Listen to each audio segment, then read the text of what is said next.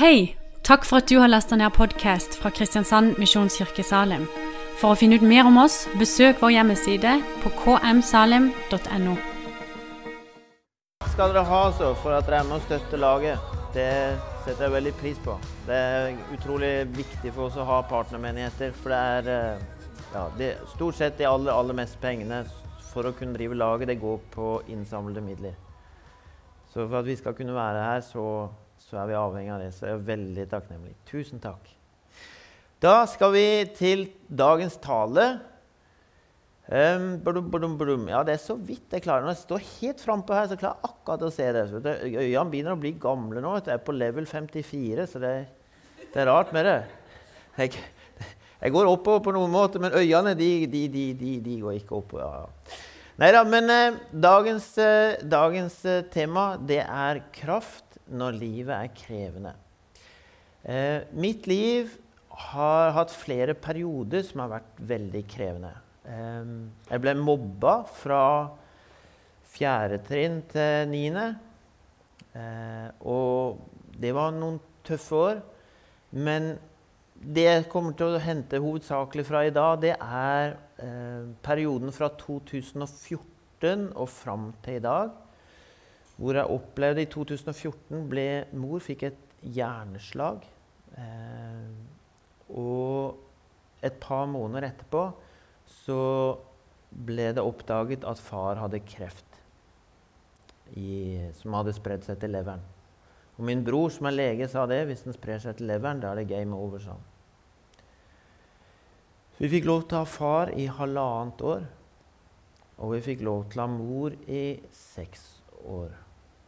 Så eh, ja, det å ha foreldre som blir syke lenge før de ja, Min mor for eksempel, hun døde da samme år som sin mor. Så jeg, døde, jeg mista både mormor og mor på samme år. Så det sier litt om at du kanskje dør litt for ung. Når du dør samme år som mora di. Og Det å følge de, det har vært tøft. Eh, og så har det vært et, en del konflikter. Jeg har hatt eh, tre konflikter som hver har vart i flere år. I ganske mange år. Og de jeg har vært i konflikt med eh, er, Av de tre, det var to som hadde et sånn kraftig eh, Utfordrende sinne. Veldig sånn sinte mennesker. Og den siste hadde en veldig utfordrende høyesterettsadvokat. Jeg vet ikke hva som er verst. Men eh, det har gitt eh, det har gitt noen år med veldig mye sånn tankekverning. Eh, det har gitt noen år som har gjort at jeg har vært mye sliten. Og det har gjort at jeg har bl.a. måttet i perioder få hjelp av sovemedisin for å få nok søvn. Og jeg tenker Sovemedisin det er takk og lov for sovemedisin, sier jeg bare. Det er veldig veldig godt. Nå har jeg funnet ut at du kan dele en sånn en, uh, Imovane i fire. Så det holder med en fjerdedel for meg. For jeg er så lett, så lett, lett påvirkelig. Men, uh, men, jeg har hatt veldig mye glede av så det er jeg veldig takknemlig for. Så det syns jeg ikke er noe skam med. Det syns jeg er fint å kunne dele. For det tror jeg kanskje ja, kan være sunt da, for å komme gjennom sånne perioder. Så livet har vært tøft, og jeg har lyst til å dele da hva Gud har lært meg gjennom det. Litt sånne nøkler kanskje til hvordan det går an å tenke, og hva det gjør med meg. Høres det greit ut? Mm. Skal vi se hva som skjer når jeg trykker på den. Her skjer det ingenting. Den, da? Ingenting på den heller. Men du ser det klikker der. Ser du? Der, ja. Um, det første jeg vil si, er vonde ting negativt? Egentlig er vonde ting negativt. Hæ, går det an å stille et sånt spørsmål? Noe så idiotisk spørsmål. ja, skal vi se. Uh, først vil jeg si ja. Helt klart.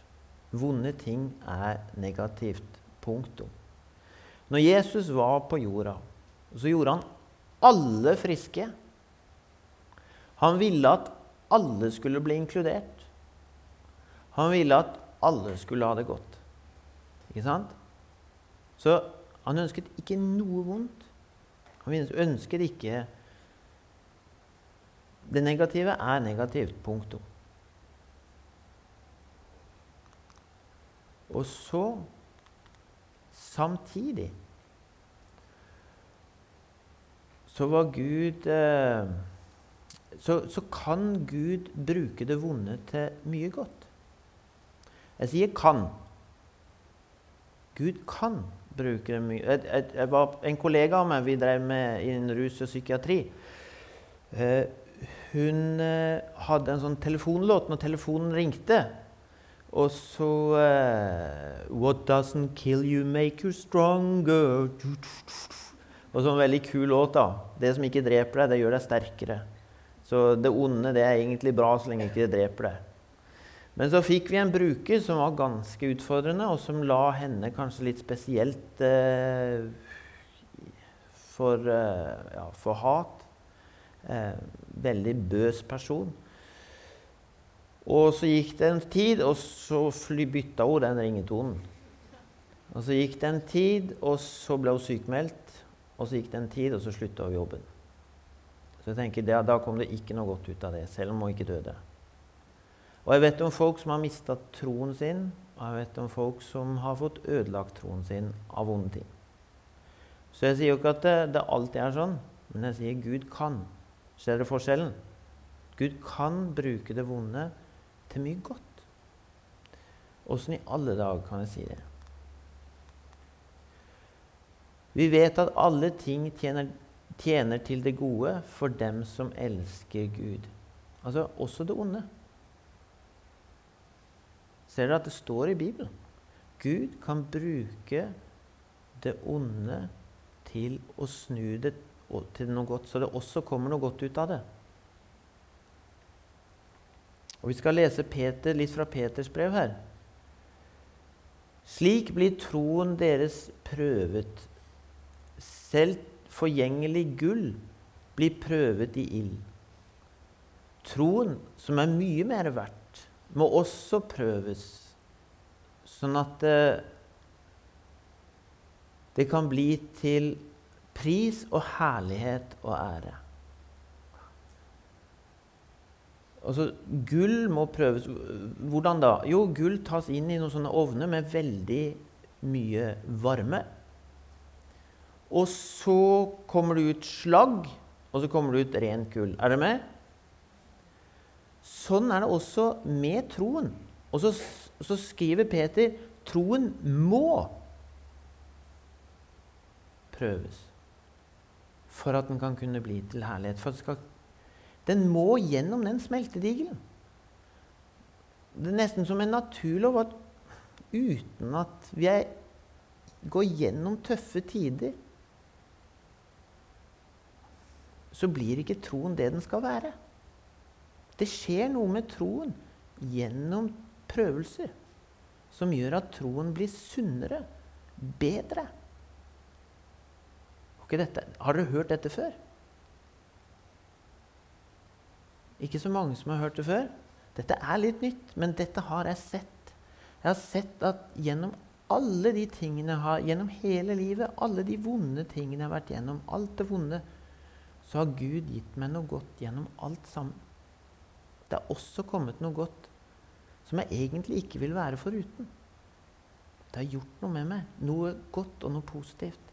Som jeg egentlig ikke vil være. Jeg vil være veldig foruten alle de opplevelsene. Og samtidig, det Gud har vist meg og gitt meg, det vil jeg ikke være foruten. Og så dette, dette er jo veldig, egentlig litt sånn teoretisk. Så nå skal vi se hvordan det ser ut i praksis. Hvordan kan Gud gjøre noe godt ut av noe som er vondt? Hvordan kan han egentlig gjøre det? Nå vil jeg at dere skal snakke sammen to to eller tre og tre. Snakk litt sammen med de som er rundt dere. Hvordan, hvordan ser det ut? Når Gud gjør det, hva, hva, i alle dager, hvordan gjør Gud det når denne troen er inni den smeltedigelen? Skjønner du? Hvordan ser det ut i praksis?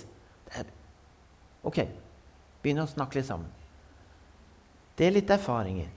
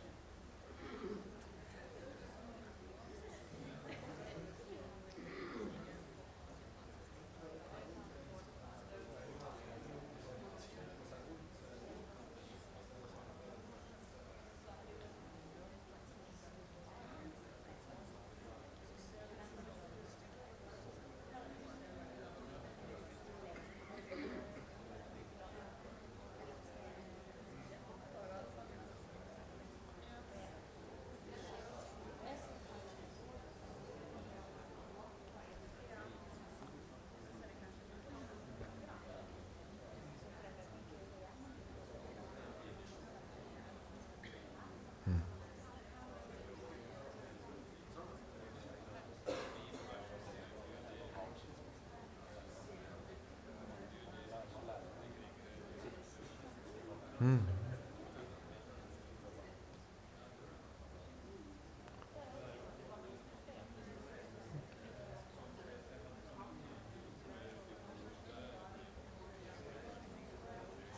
Ok. Nå hører jeg noen forslag fra salen her. Opp med en hånd hvis det er noen som eh, kom på et eller annet lurt. Hvordan ser det ut i praksis? Det er Kristiansand, altså.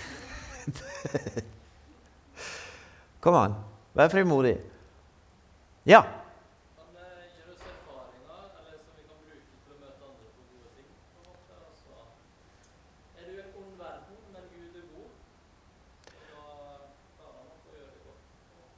Han gir oss erfaringer som vi kan bruke til noe godt. Når jeg var mobba i så mange år, så har jeg fått en utrustning til å hjelpe når jeg har gått gjennom og bearbeida det. Jeg har fått en utrustning som gjør at jeg kan hjelpe andre som har vært mobba, på en måte som ingen andre kan hjelpe dem på. For det første oppdager jeg det lettere. Og kan ta tak i det og si 'høy'. og for det andre så vet jeg hvordan, jeg vet litt hvordan det er. Jeg kan forstå det på en bedre måte, og jeg kan også hjelpe på en annen måte. Jeg får erfaringer som jeg kan bruke til å hjelpe andre. Kjempebra. Ja? Var det en hånd oppe bak der? Å nei, det var ikke det, nei. Andre? Ja?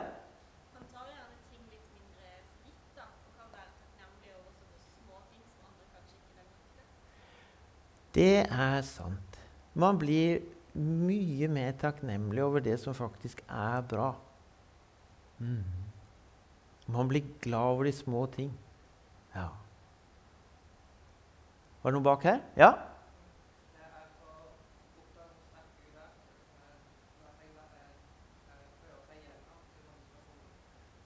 Man oppdager hvor sterk Gud er, og hvem jeg faktisk tilhører. Ja, jeg blir kjent med han på en annen måte. Skikkelig, skikkelig bra. Skal vi se på neste slides, for det, du er egentlig spot on. Kampene som jeg har gått igjennom, det har gjort at jeg søkte Gud på en annerledes måte. For plutselig så ble jeg desperat. Jeg trengte Gud på en helt annen måte. Mm. Han ga meg styrke. Han ga meg styrke til å gå gjennom hvordan gjorde han det? Nå skal vi se.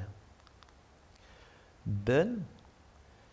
Når jeg ba, så merka jeg at den der smerten som var i hele meg, den var borte mens jeg ba. Det var et fristed. Et sånt deilig sted hvor jeg kunne slappe av.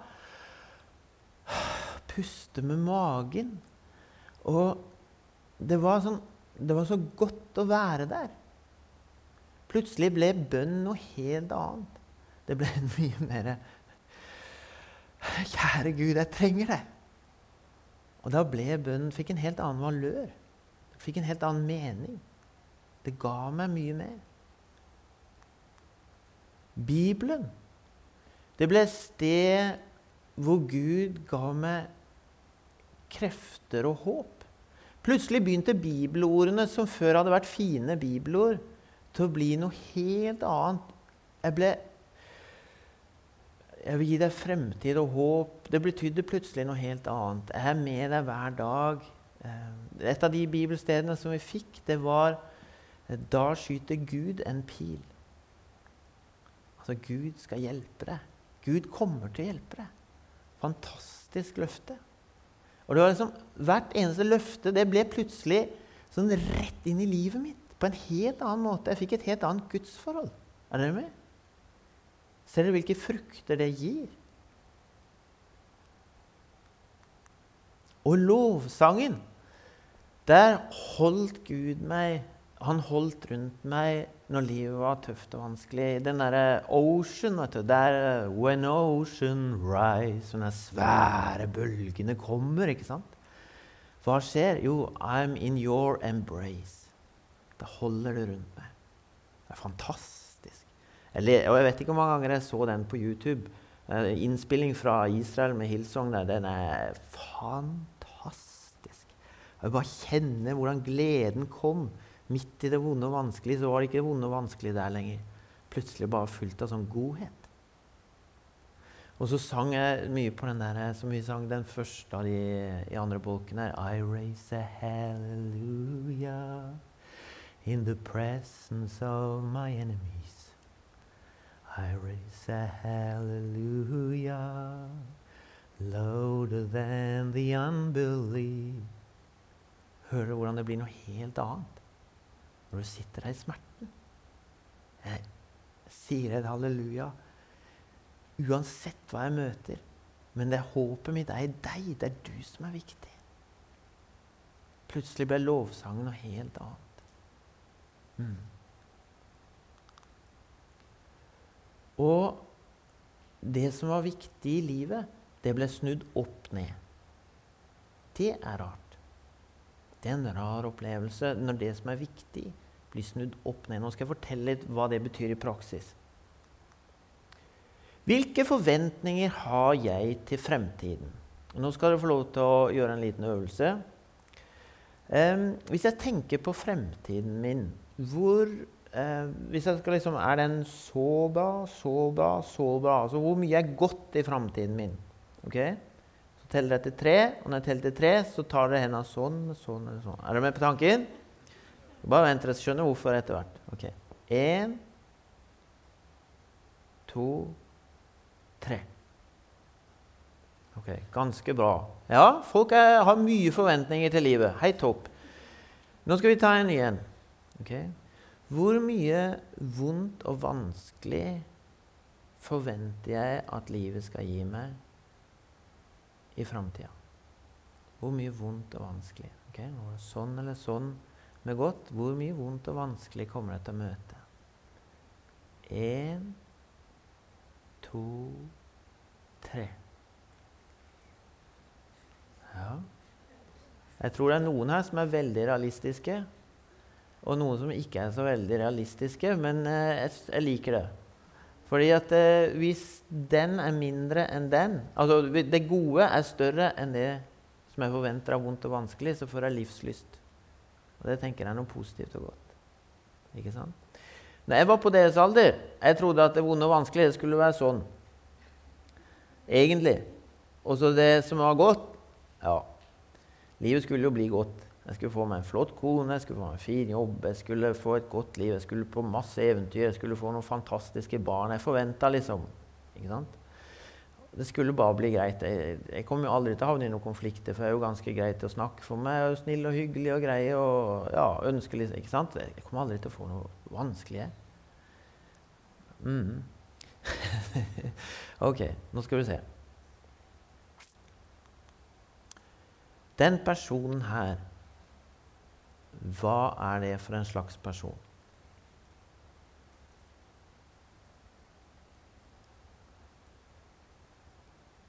Er det ingen som ser hva det er for en, slags person? Ja? Det er en slave som har vært piska. Og dere ser, det er ikke noe sånn der, eh, Når de pisker, så er det ikke noe 'kjære mor'. Det er eh, ikke noe des, destillerende vann eller noe vasking av sår eller noe. Sånn at det, det kommer verk i de, og du, du ser hvordan han ser ut. Det er ikke noe, det er ikke noe medlidenhet overhodet. Slavene ble ikke sett på som mennesker.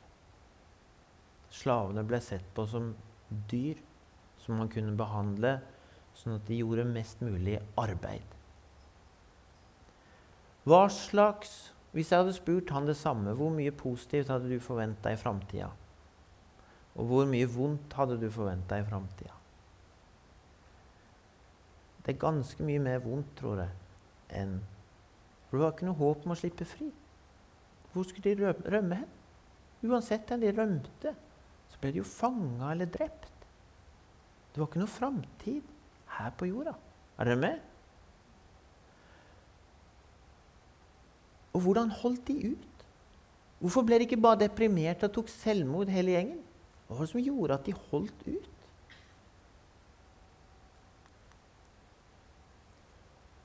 Klarer dere å se hva dette er for noe?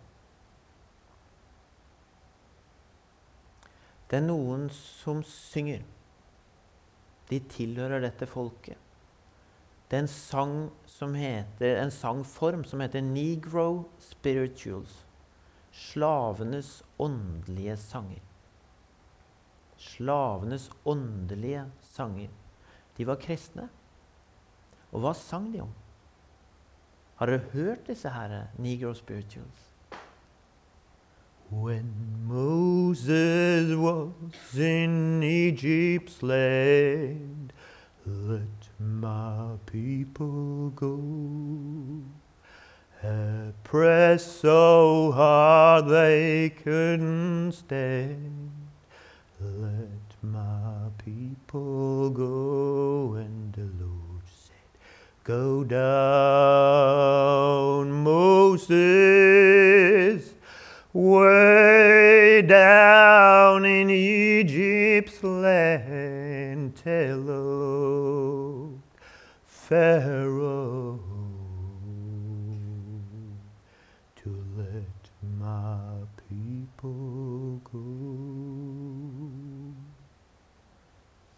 Hva sang de om? De, alle sangene var om det lovede land, om himmelen. Samtlige Negro Spirituals som jeg har sett, handler om himmelen. Ser du det er Moses som står i Rødehavet? Veien til det lovede land, som virker umulig, men den er det.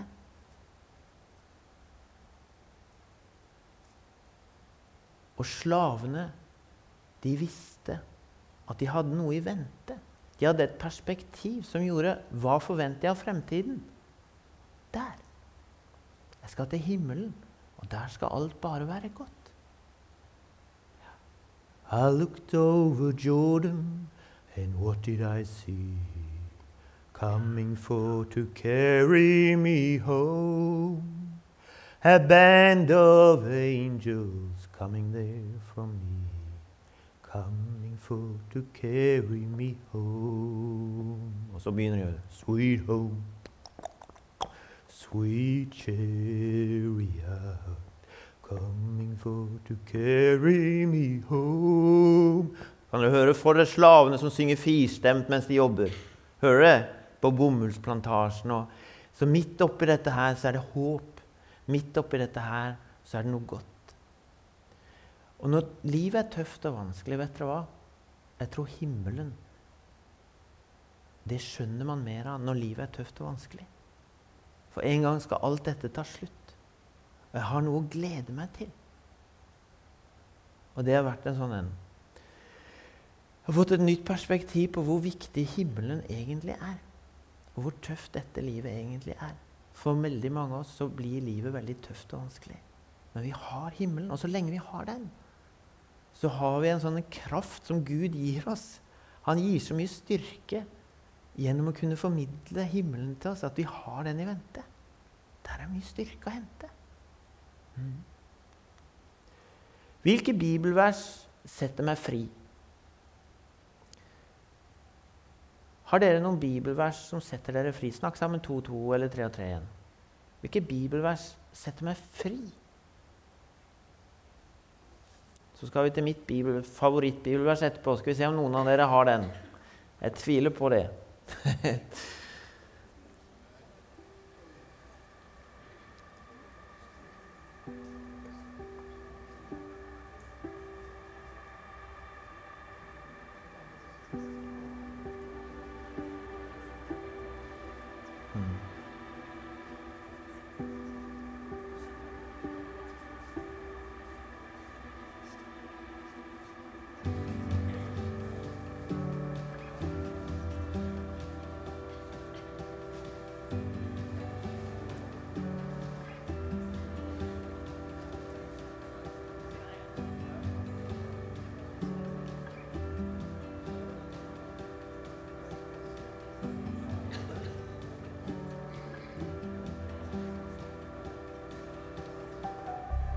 Ok, da tar vi noen forslag her.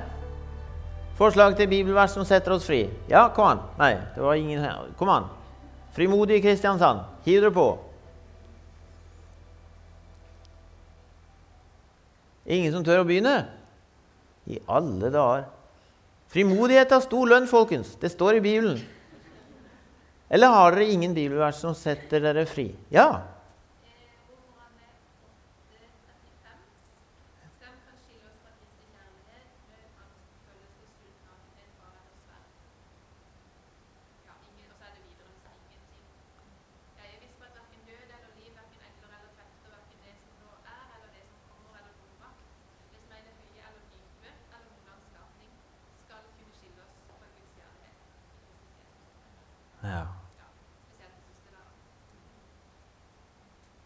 Tusen takk. Andre?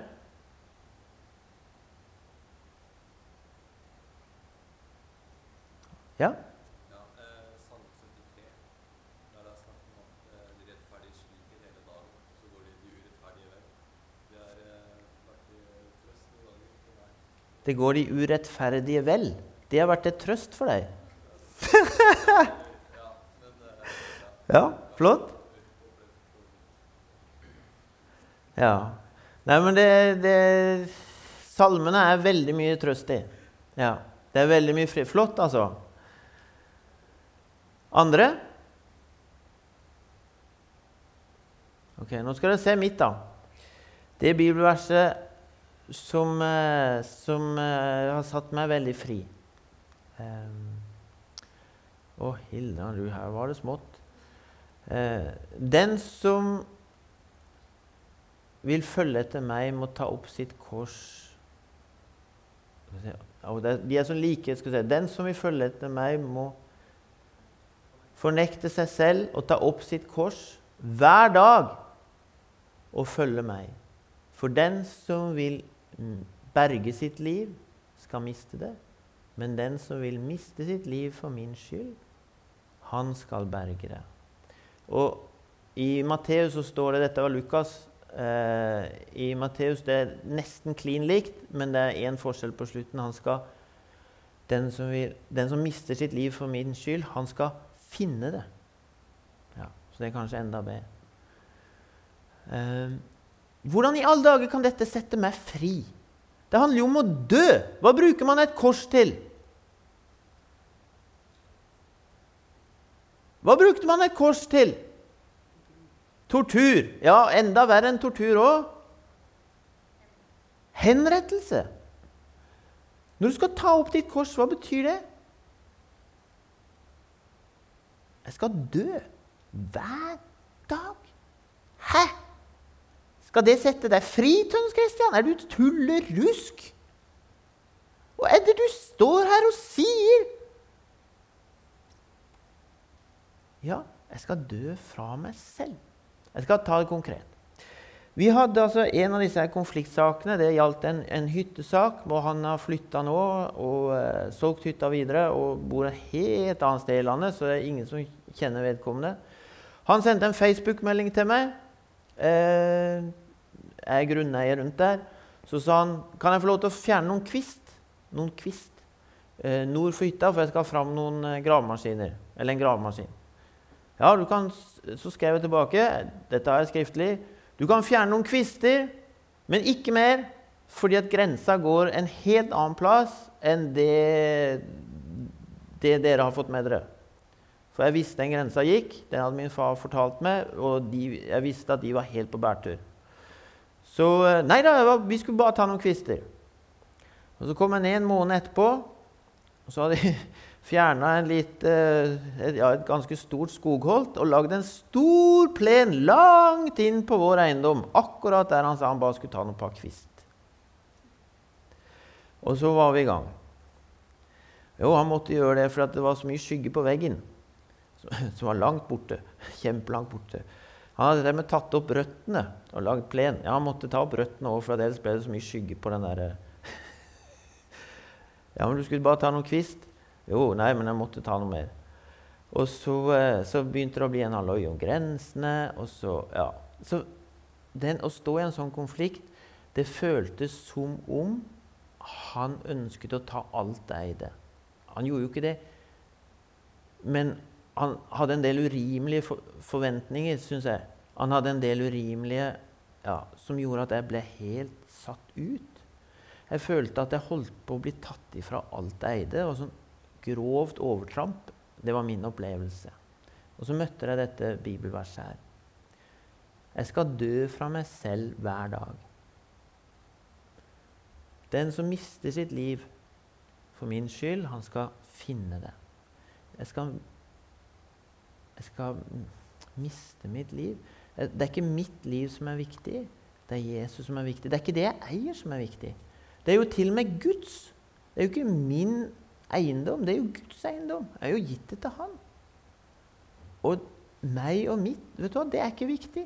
Så hvem det er som eier akkurat om grensesteinen er der eller der, så har ikke det noe med meg å gjøre. Det blir Guds ansvar det om grensa skal gå der eller der. Og så fikk jeg på en måte sånn Ok, det var ikke så viktig, da. Eh, og da fikk jeg litt mer sånn fred over det. Med å miste seg sjøl, at det er ikke jeg som eier det. Da er det ikke så viktig å miste det heller. For jeg mister det jo ikke, for det er jo ikke mitt. Ser dere poenget? Det var en veldig hjelp for meg. Og en annen gang, en av disse her som var så sinna, han, eh, han eh, Vi hadde en del felles kjente. Og eh, da visste jeg at det var en veldig god sjanse for at han snakket med de og fortalte ting om meg som ikke var fordelaktig for meg. Vi opplevde jo situasjonen veldig forskjellig. ikke sant? Det er jo naturlig at det blir sånn. Og da visste jeg at mange folk kanskje kommer til å ikke like meg. Hvordan er det?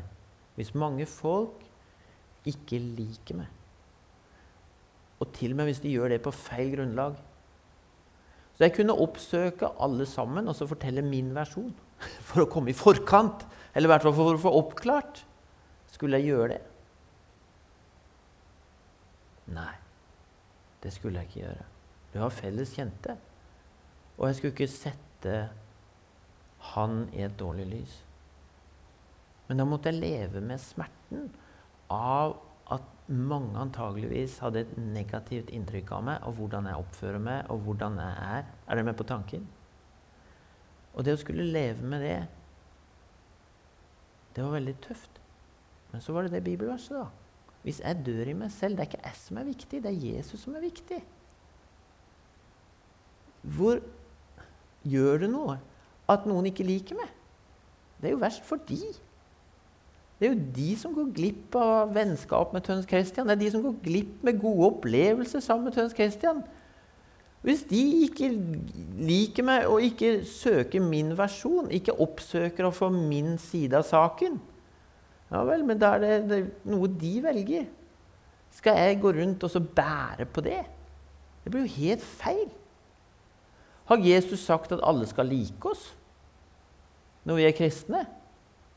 Nei, det skal jeg love deg. Tvert om. Hvis dere leser begynnelsen av bergpreken, så står det jo Salige er dere når de snakker stygt om dere og lyver på dere. Og, og, og, ikke sant? Altså, når de forfølger dere. Vi, Gud forventer at vi skal bare gjøre godt, og så skal vi Takken vi får, det er at vi blir forfulgt.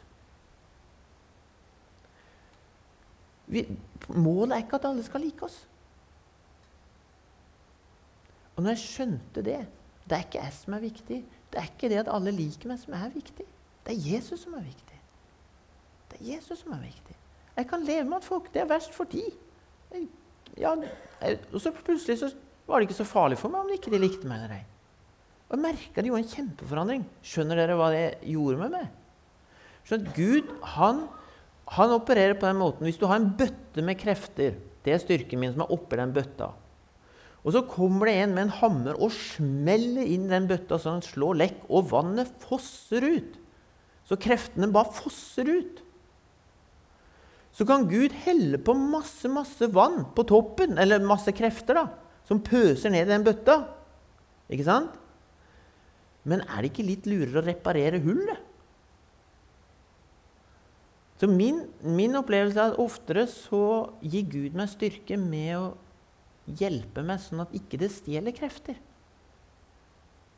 Han pøser krefter oppi, men han tetter også hullet.